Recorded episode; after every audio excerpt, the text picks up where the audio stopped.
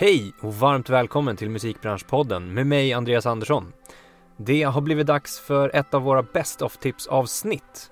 Det är faktiskt hela 30 avsnitt sedan vår senaste sammanfattning av alla de här grymma tipsen som vi får från våra fantastiska gäster. Vi vill ge dig chansen att få de bästa tipsen sammanfattade här i ett avsnitt för att just motivera och inspirera dig.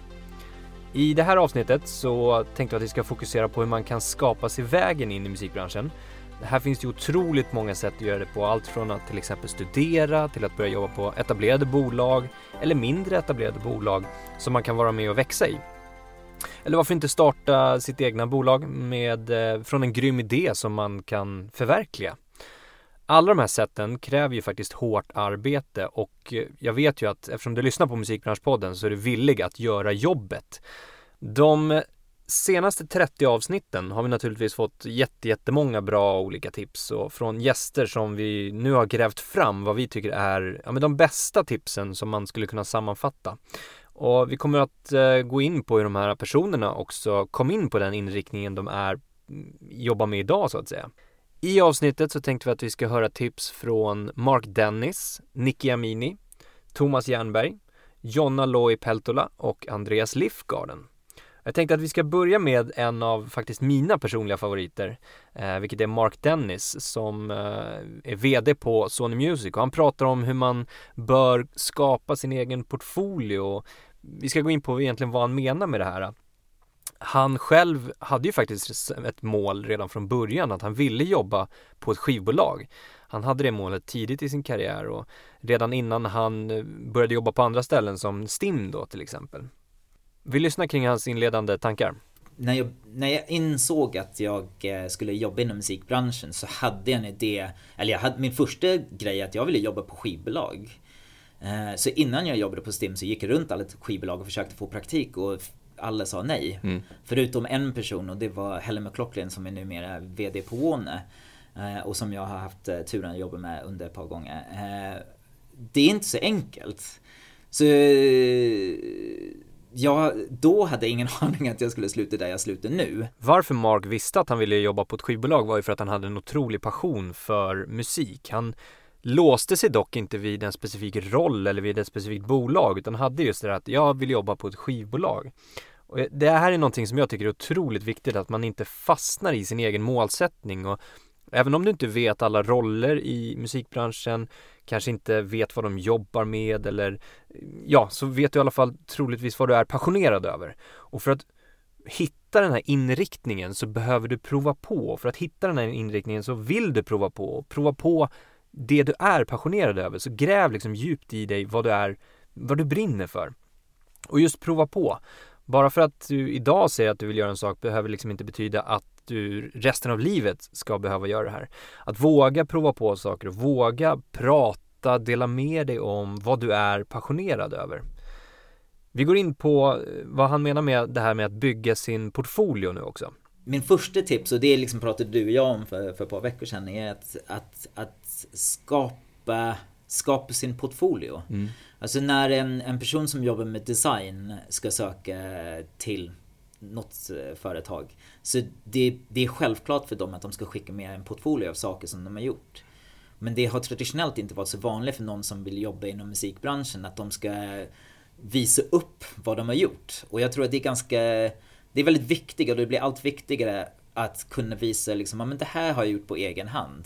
Och det behöver inte vara liksom någonting massivt och det behöver inte ens vara någonting som har varit framgångsrikt. Men det är att visa att man har varit proaktiv och, och faktiskt tagit sig an liksom en, en, en projekt som man har drivit lite på egen hand. Och det kan vara allt ifrån eh, Alltså som jag gjorde, liksom starta med klubbar, liksom sätta upp eh, liveshower liksom eh, till, eh, till att eh, bli manager för ett lokalt band till att eh, eh, skapa innehåll på ett intressant sätt liksom och vara var stolt över det liksom. Och kanske var också stolt och ödmjuk så säger liksom det här är vad jag har gjort.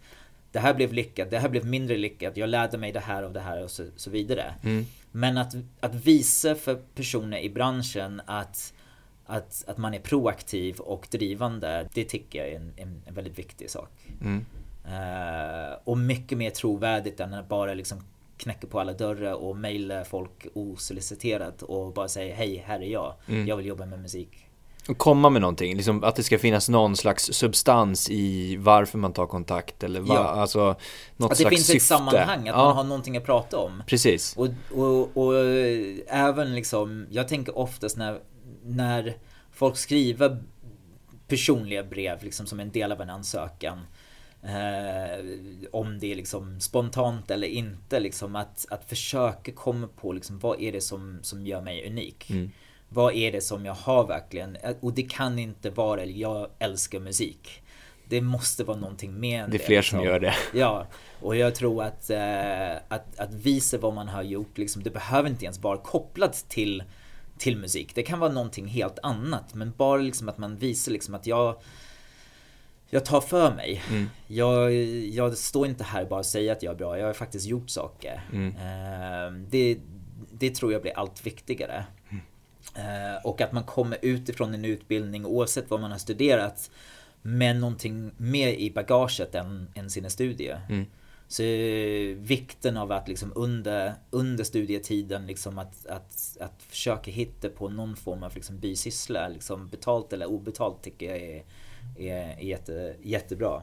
Ja men exakt, här handlar det om att likna det med andra branscher. Till exempel om du jobbar som en art director så måste du kunna visa upp vad du har gjort tidigare. Och precis på samma sätt så, jag tycker det är jättespännande hur han liknar det med eh, att bygga sin portfolio på något sätt just när det gäller musikbranschen. Att visa vad man har gjort för projekt, man kanske gör någonting vid sidan om eller sådär.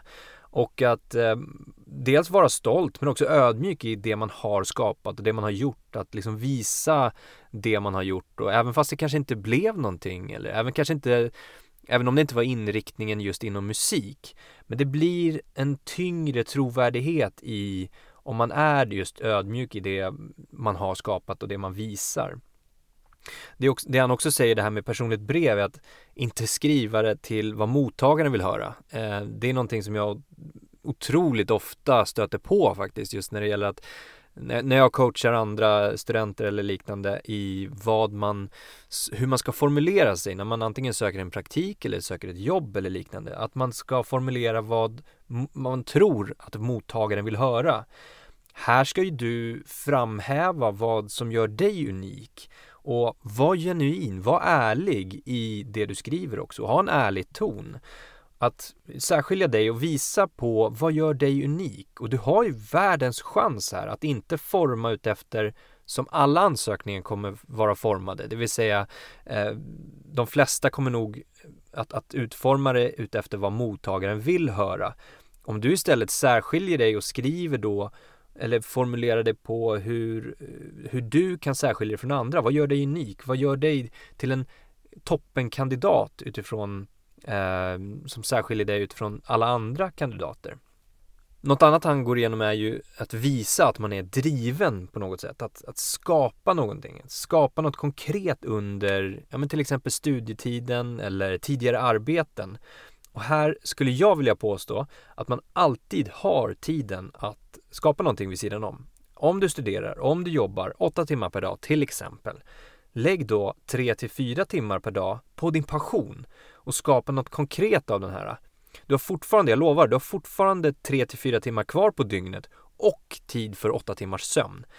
Och vad kommer det här ner till då? Jo, men det kommer ner till vad man faktiskt använder sin tid till. Och här finns det ett jättebra verktyg att börja skriva ner. Vad använder du din tid till? Och var ärlig i det här fallet. Lägger du till exempel 2-3 timmar eh, per dag på att kolla på Netflix och ytterligare 2-3 timmar på sociala medier, som många faktiskt gör idag, eh, så kan man heller inte klaga på att man inte når sitt drömmål eller att man inte får någonting gjort eller att det företaget man driver kanske inte tar sig någonstans. Det är ingen som kommer att knacka på och fråga om du vill skapa ett företag eller ha ett jobb om du inte själv tar tag i det. Tar du istället de här timmarna som du lägger på Netflix och sociala medier och verkligen lägger på det du är passionerad över så kommer du sticka ut och det kommer visa att du är driven. Du kommer att skapa massa, massa saker på de här timmarna som du kommer ha massa nytta av sen, både erfarenhetsmässigt men också när du kanske söker praktik eller när du söker jobb. Så jag skulle vilja motivera er och säga det att men, se din tid som en budget ungefär. Du har ett visst antal timmar per dygn som kommer in varje, varje dag. Det är liksom nollställs. Så du har 24 timmar. Hur ska du spendera de här på bästa möjliga sätt? Här är det bara du som väljer.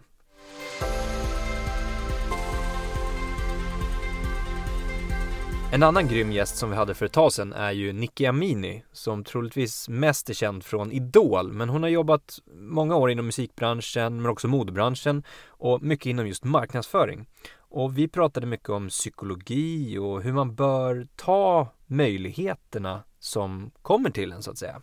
Vi lyssnar. Ja precis, jag pluggade psykologi på Stockholms eh, universitet. Eh, och det var faktiskt första gången genom mina psykologistudier som jag fick höra om marknadsföring och PR. Det är ju väldigt mycket psykologi i marknadsföring och PR. Mm. Kommunikation rent generellt. Um, så det var då jag fick upp ögonen för det. Och sen så kände jag att så här, men det här skulle ju liksom vara intressant och, och eh, lära sig mer av. För liksom efter gymnasiet var jag lite, jag visste inte riktigt precis vad det var jag ville göra. Jag var lite osäker. Skulle jag bli polis eller vill jag bli advokat? Och du vet, så här, mer de traditionella yrkesrollerna kände jag till. Um, jag menar musikbranschen. Jag har ju alltid liksom, jag växte ju upp med MTV och så vidare. Så jag, jag kände ju till artisterna och så. Men jag visste inte om världen bakom artisterna överhuvudtaget. Och det är ju så, musikbranschen är ju lite dold. Mm. Eh, och människorna som jobbar kring artisterna och skivbolagen och så är ju oftast inte personer som står i rampljuset. Liksom. Här är det ju så tydligt att man inte behöver veta vad eller vart man ska jobba för att komma in på någonting. Som Nicky säger här så upptäckte hon marknadsföring som ämne eller som intresse genom det hon studerade tidigare, alltså sina psykologistudier. Och eh, det här visar ju på att hon inte riktigt visste att det här skulle ta henne in i musikbranschen genom det här. Men hon vågade gå med någonting som hon faktiskt tyckte var intressant. Någonting som hon tyckte var, ja men jag är lite nyfiken på att utforska det här. Så det, att våga följa någonting man tycker är intressant och någonting man är nyfiken på att hur funkar det här egentligen? Det är någonting som kan ta en väldigt, väldigt långt. Vi går in och kollar lite mer på vad hon säger om att ta de här möjligheterna.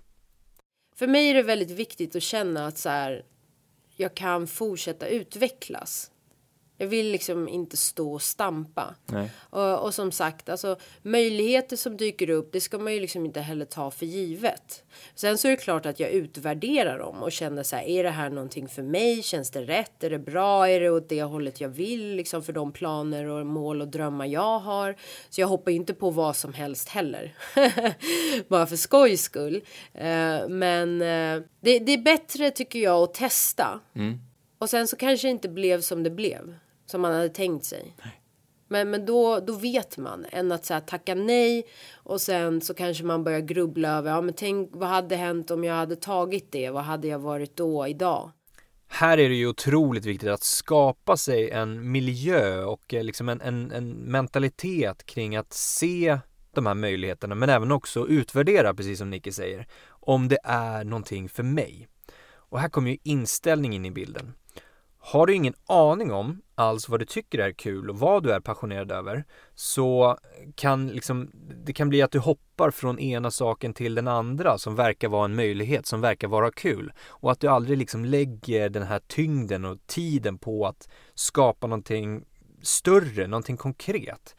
Och det kan ju resultera i att du bara hoppar från en sak till en annan och aldrig liksom får det gjort och aldrig hittar vad du tycker är kul och vad du liksom brinner för. Å andra sidan, har du inställt siktet alltså alldeles för hårt på eh, liksom det du gör och det här att du nästan jobbar med ett tunnelseende på vägen mot dina mål så kommer du heller inte se de här möjligheterna för att du är för distraherad på att bara jobba mot det där tydliga målet. Så jag skulle vilja påstå att man ska skapa sig en miljö som välkomnar möjligheter, alltså ett mentalt tänk som där du är öppen för att se de här möjligheterna på ett positivt sätt. Ett aktivt sätt och inte ett avvaktande där man liksom inväntar på att de ska komma och att de plötsligt kommer flygande mot dig. Utan att du proaktivt jobbar med att vad skulle kunna bli en möjlighet? Att man jobbar aktivt mot de här tydliga målen eh, för att också då veta hur man ska se de här möjligheterna, det vill säga aktivt se vad som kommer eh, i sin väg. Och vet man liksom lite grann vad man ska titta efter så kommer det vara mycket, mycket lättare att se dem. Och precis som Nicky också säger, utvärdera om det här är en möjlighet för mig för att inte hoppa på möjlighet efter möjlighet efter möjlighet och, och, bara liksom inte komma någonstans utan utvärdera och se är det här någonting som tar mig dit jag vill? Alltså utbildning är väldigt viktigt. Mm. Det, det, är en bra grund att ha därför den finns där. Du kan alltid falla tillbaks på den. Det, den ger dig en bredd. Uh, men sen så när man väl kommer ut i arbetslivet så är det ju inte så som det stod i liksom skolböckerna. Men det är fortfarande, jag tror att så här, att utbilda sig handlar om också att så här, utveckla sitt kanske analytiska tänkande och, och eh, förmågan att liksom samarbeta och jobba i grupper och alltså det, det är så mycket mer än att liksom lära sig och få alla rätt på en tenta. Precis, utbildningen här för karriären, att det ger dig en väldigt, väldigt bra bredd. Uh, och, och har man liksom en gedigen utbildning så får du en bra bredd och kopplar vi det då till vad Mark faktiskt sa i avsnittet kring att ha en bred förståelse för någonting och sen specialisera sig inom det är ju jättetydligt exempel på att det är någonting bra att ha med sig i bagaget. Och tvärtom också, är du mer specialiserad, har du gjort väldigt, väldigt specifika studier till exempel, så kan du alltid skapa dig en bredare uppfattning om en bransch, en roll eller något arbetssätt eller vad det nu skulle kunna vara. Så att, att, att, både se utbildning som en bredd men också en specialitet och att komplettera med den du inte har. Utbildningen är ju någonting som kan hjälpa inom många, många områden. Det kan dels vara en väg in i branschen just för att utbildningen, under utbildningen så kanske du får göra en praktik och då ta tillfället att prova på som vi har varit inne på förut. Så det här kan hjälpa inom många områden. Men också ta till dig, sug till dig allt du liksom lär dig under utbildningen och se det inte bara som Eh, en, en period i livet som du ska ta dig igenom. Utan gör det allra bästa under den här perioden. Ta åt dig all den här kunskapen, all de, alla de här kompetenserna som du lär dig och se det som möjligheter och prova på samtidigt som du kanske tar de här eh, kunskaperna, kompetenserna och skapar saker och ting vid sidan av studierna. Det vi, det vi pratade om att skapa sin, sin egen portfolio. Så det här är någonting som att det, det, mentala tänket att utbildning är någonting som kan hjälpa till inom väldigt, väldigt många områden. En annan sak, hur kan man nu tänka om man kommer in som ny i en bransch? Mm, så det är klart att det, blir, det blev lite krock att så här, jag kommer in som ny och så finns det folk som har varit där väldigt länge och vill att så här, saker och ting ska vara på det sätt de alltid har gjort och liksom kommer med argument som att så här, nej men det har vi testat, det funkar inte, nej men så har vi gjort förut och det blev inte bra och så um, det är det jag menar va, man måste ta, liksom, tar man in ny kompetens så måste man också ta tillvara på den. Mm. Och den behövs för att också branschen ska kunna fortsätta utvecklas. Exakt, och någonting som är värt att nämna här tycker jag också är att, att, eh, att ha rätt inställning hos bolagen i fråga som tar in den här nya kompetensen och att skapa en miljö, en kultur som andas utveckling för att det kommer hända saker och ting i branschen. Det kommer liksom komma ny teknik där man behöver hänga med i utvecklingen. Och även för att liksom kunna ta tillvara på den här nya kompetensen hos talanger som kommer in och att skapa den här mentaliteten, att skapa öppenheten, att bolagen där ute faktiskt vågar välkomna ifrågasättande. Att man välkomnar eh, eh, nya talanger som vågar, vågar prata om att ja, men varför gör vi på det här sättet? Skulle man kunna göra så här?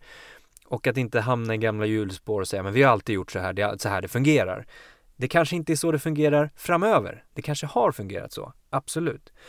Och här är det viktigt då att man som bolag, som chef, som handledare där ute faktiskt kommunicerar det här också och, och, och berättar att det är välkomnande att ifrågasätta, att lämna utrymme för att jobba med projekt, att jobba med att utveckla business och prova på nya saker. Så att vi inte kommer till det här läget igen där allt fallerar för att vi blev så ställda för någonting nytt som hände.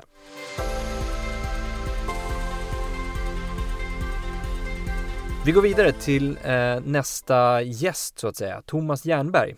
Thomas har ju en otroligt bred karriär och har gjort väldigt, väldigt många olika saker. Och tittar man tillbaka på hans karriär så har han nu kommit tillbaka till management där han faktiskt en gång startade.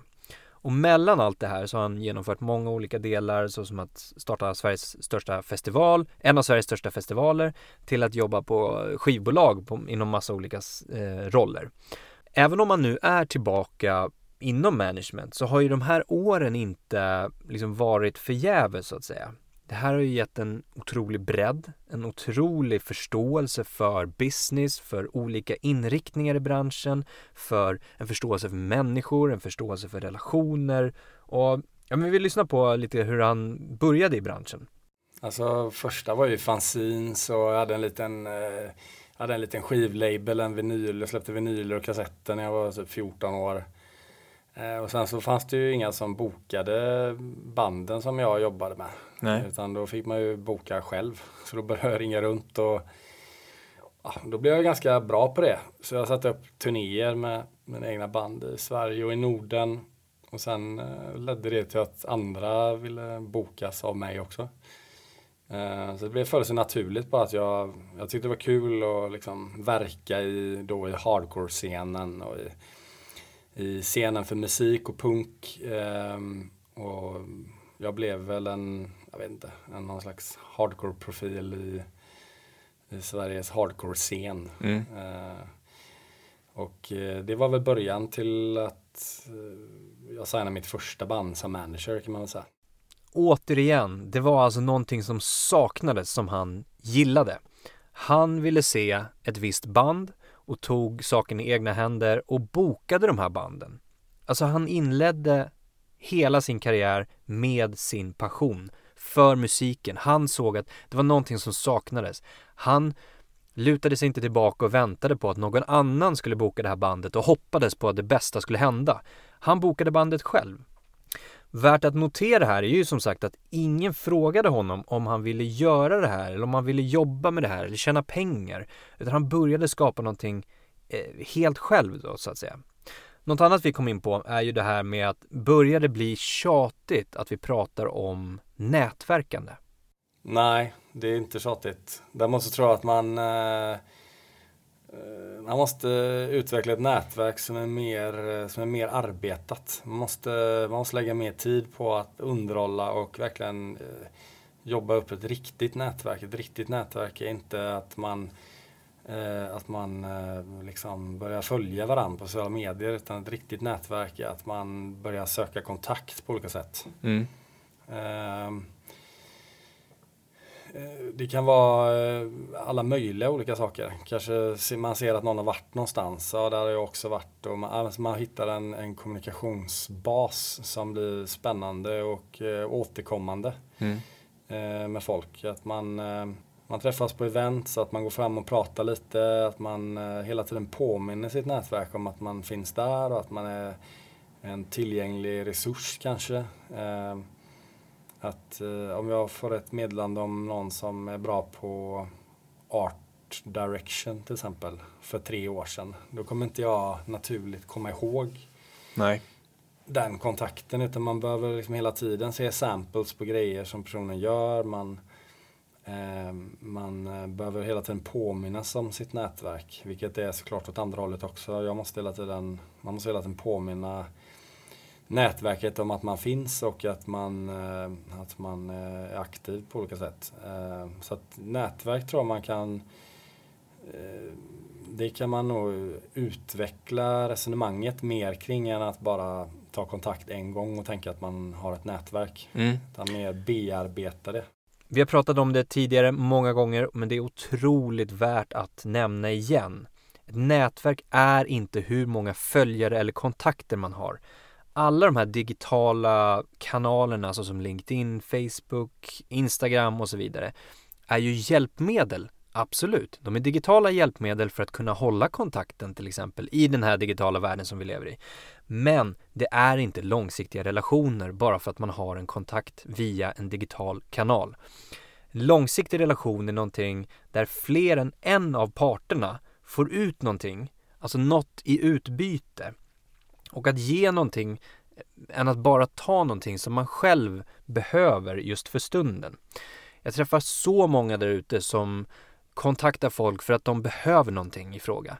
Jag känner väldigt, väldigt få som har kontaktat personer för att de vill ge någonting. Och tänker själva in i situationen om du skulle bli kontaktad av någon som vill ge dig någonting från ingenstans. Någonting som du vill liksom ha, någonting som du behöver. Då blir ju det, automat, det, det automatiska här blir ju att du vill ge någonting tillbaka.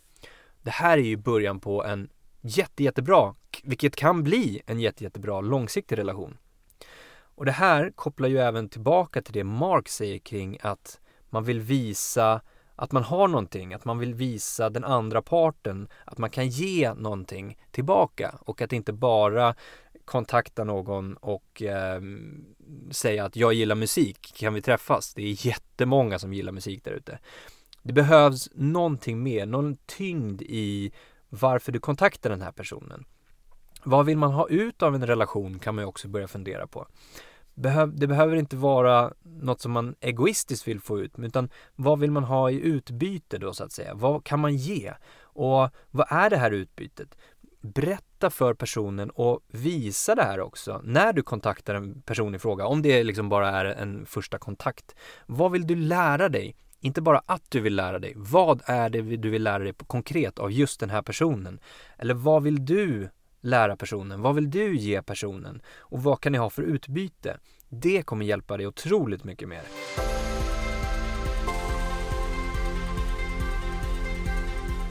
Ett mer nyligen inspelat avsnitt var med Jonna Loi Peltola som eh, genom studier och praktik har skapat sin karriär. Eh, vi kollar var hon började någonstans i sin karriär. Jag ville göra någonting, jag ville jobba med musik helt enkelt mm. och kunna liksom leva på det på något sätt. Men jag ville inte heller stå på scen och fortsätta med den saken. Utan jag tyckte det var så kul att vet, boka spelningar och tänka kring allt annat runt omkring. Jag hjälpte lite kompisars band också på den tiden för att mm. ja, av någon anledning så tyckte de väl att jag kunde hjälpa dem med något då.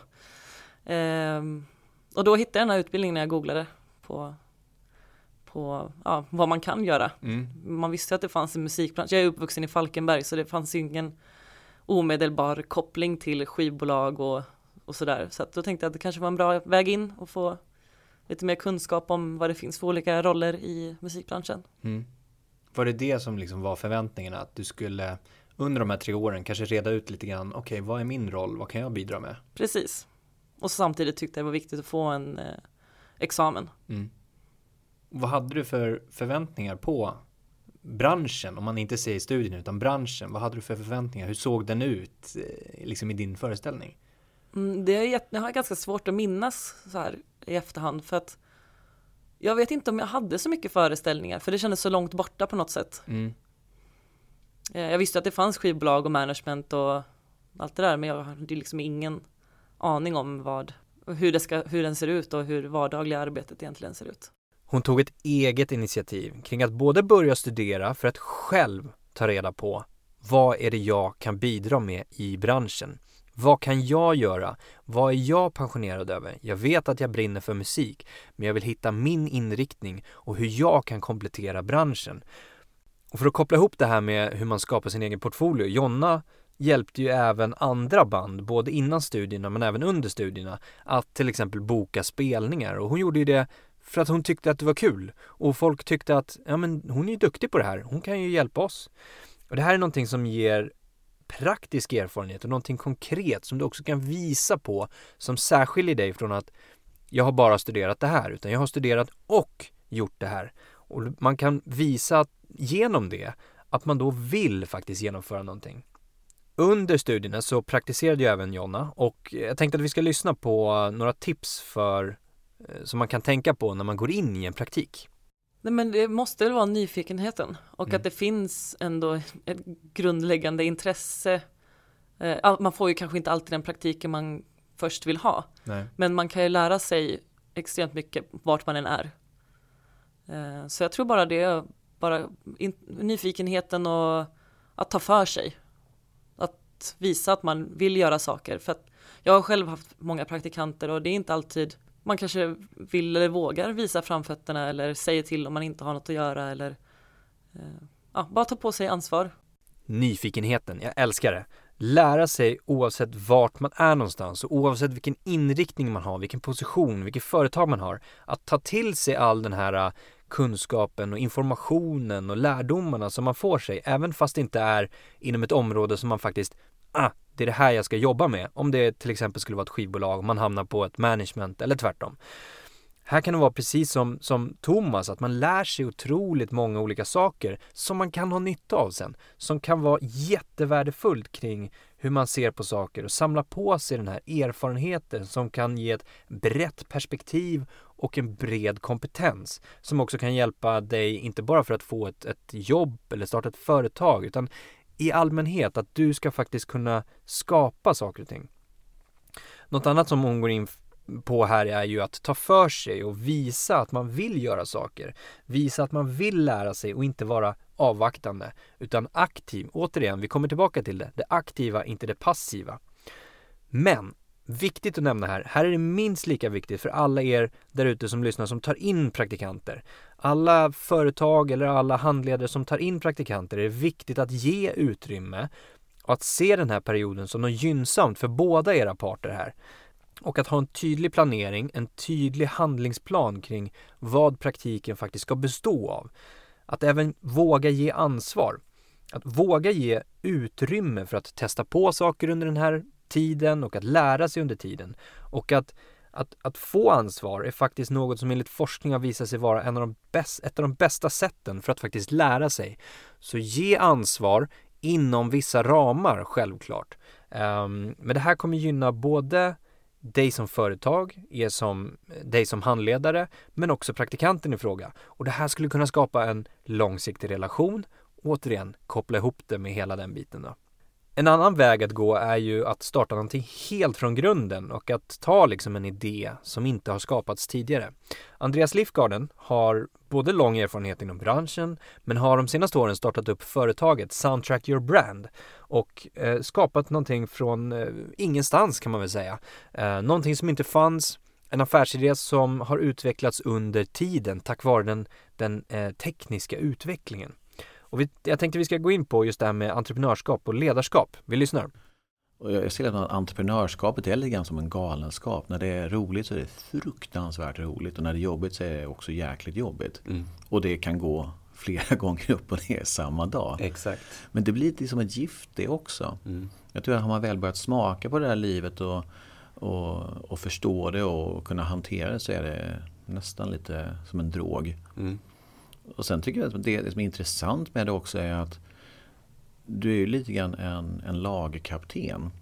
Du, jag är inte den bästa eh, finansmänniskan på bolag. Jag är inte den bästa kodaren eller teknikern. Jag är inte den bästa säljaren. Jag är inte den bästa affärsutvecklaren, inte den bästa juristen. Men jag har förmånen att leda massa människor och få dem att gå åt ett och samma mål och det är otroligt roligt. Upp och ner, den klassiska beskrivningen av hur det är att vara entreprenör och att driva någonting eget är just att likna det med en berg och dalbana. Det är den klassiska.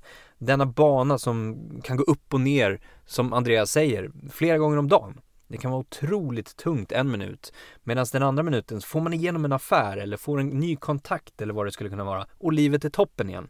De här topparna och dalarna.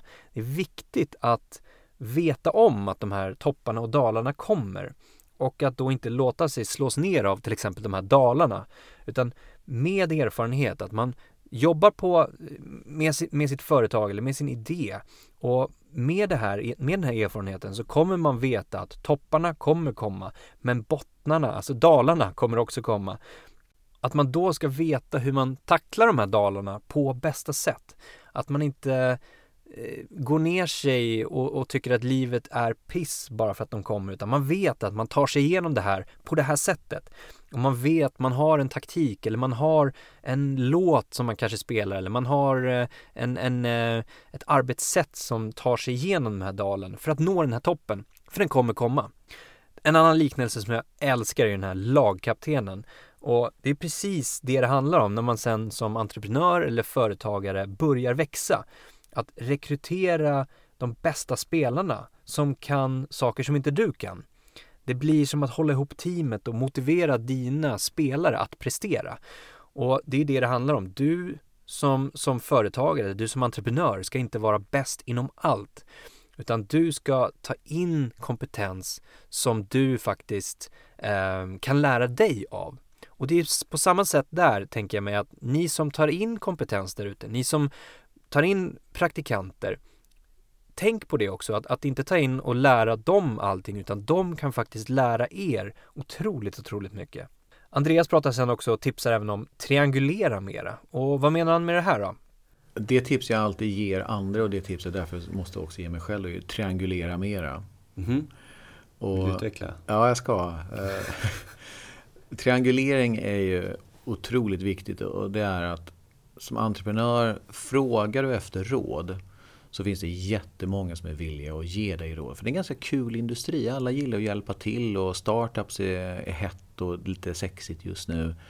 Så det finns ju inte, finns inte en, det finns ju tusen människor, investerare eller änglar eller friends, fools and family eller vän. Alla vill ge dig tips och råd. Och det är ganska lätt att bli helt överväldigad av, av det här. Och risken är att man till slut går som en slags pingisboll eller flipperspelsboll mellan olika råd och ändrar sig hela tiden. Så att triangulera mera betyder egentligen att det råd du får flest gånger kanske det du ska gå efter. Och lite mer konkret så triangulera mer är ofta i ett företag, vi är 100 personer. Om det är någon som kommer och säger någonting till mig så måste jag ju som rimligtvis fråga någon annan som står på andra sidan av argumentet vad de tycker också. Mm. Och triangulera det. Så att för att få en riktig bild av sitt eget företag när man är 100 personer och alla liksom på något vis vinklar information till dig. Triangulera mera. Hela tiden. Fråga alltid fler om, om samma fråga. Mm. Och skapa dig en, en triangulerad bild av verkligheten. Annars tror jag det är väldigt lätt att bli manipulerad eller, eller vilseledd eller bara bli allmänt förvirrad. Precis, det finns otroligt många personer där ute att fråga och många är villiga att ge tips. Och precis som när vi pratade om det här med möjligheterna ovan eh, så gäller det att utvärdera. Vem är det som säger vad? Hur många är det som säger vad? Och det är i princip omöjligt att, att, att lyssna på och framförallt följa allas tips och råd man får. Här gäller det att utvärdera vad är bäst för mig? Vilken situation befinner jag mig i? Vad är mina mål? Och att utifrån det då bestämma vart vill jag ta mig någonstans? Vilka tips ska jag följa? Vilka ska jag sålla ut? Vilka eh, är liksom eh, någonting för mig och vilka är någonting som man bara hör någon slänga ur sig kanske? Och det här med att fråga andra när du både får eh, kritik eller när du får ett tips eller när du får feedback eller någonting. Fråga andra vad de tycker om det här också. Och på det här sättet så kan du just lättare utvärdera och sen skapa dig din egna bild av den här verkligheten. För någonstans så handlar det ju om att du ska lita på dig själv. Det är du själv som har startat idén. Det är du själv som vet bäst. Och även om man ska vara öppen för till exempel tips från andra så gäller det att du ska lita på vad du vill, vad ditt mål är och du vet bäst kring vilka tips som faktiskt passar dig. Så att, att utvärdera och triangulera mera. Och precis som Andreas säger här så kan det bli lätt att, att om man följer de här tipsen så kan det bli lätt att antingen bli manipulerad eller vilseledd och man, man hamnar inte riktigt där man trodde att man skulle hamna. Så att, att, att ta de här idéerna och utvärdera om det är någonting för mig. Jag, jag tror att för, att för att få fram en Niklas Sennström så måste vi ju ha haft tusen eller tiotusen studenter som tyckte att det var svinkul att göra en ny logga för sin företag som de drömmer om. Så jag tror att pratar du om tidiga entreprenörer som vi ändå pratar om här då tror jag inte man ska ta energin ifrån dem. Det måste få vara lite fåfäng och det är kul att göra en hemsida och det måste göras också. Absolut. Men sen så tror jag också att man man måste ha en doer-mentalitet och det här är nog ingenting man kan slå i folk. Det, det, det, har man kanske lite grann eller också har man det inte. Och i vissa fall kanske man måste inse det själv lite senare. att eh, Du kanske ska dra igång den här hemsidan och det här visitkortet och inse att ah, varför blev inte det här någonting? Och så kan du triangulera lite och fråga dig eller mig och, och, och se liksom vad, vad var det som hände här? Och så kan vi berätta för dem att men du måste ju faktiskt liksom hitta en domän för en hemsida också. Sen så måste du resa lite pengar för att kunna registrera ett aktiebolag. Och sen måste du hitta någon som kan koda som gör det där. De behöver ha lön och sen måste du göra en affärsplan. Och så är du igång. Mm. Så jag tror det är viktigt att inte döda kreativitet eller energi. För det behöver du med dig på resan. Mm. Men du måste också titta på liksom, vad är de faktiska saker du måste utföra. Och de är inte speciellt komplicerade egentligen. Men du behöver kanske någon som visar vägen lite grann. Mm. Och det, är väl, det är väl det som, som vi ska göra. Doer-mentalitet, jag älskar det. Att testa på saker och ting och att lista ut de här sakerna som ska göras.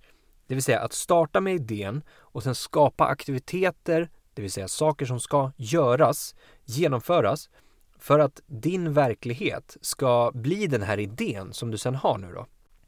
Och det är precis som Andreas säger, det är inte så galet svårt. Har du idén så vet du var du ska börja någonstans.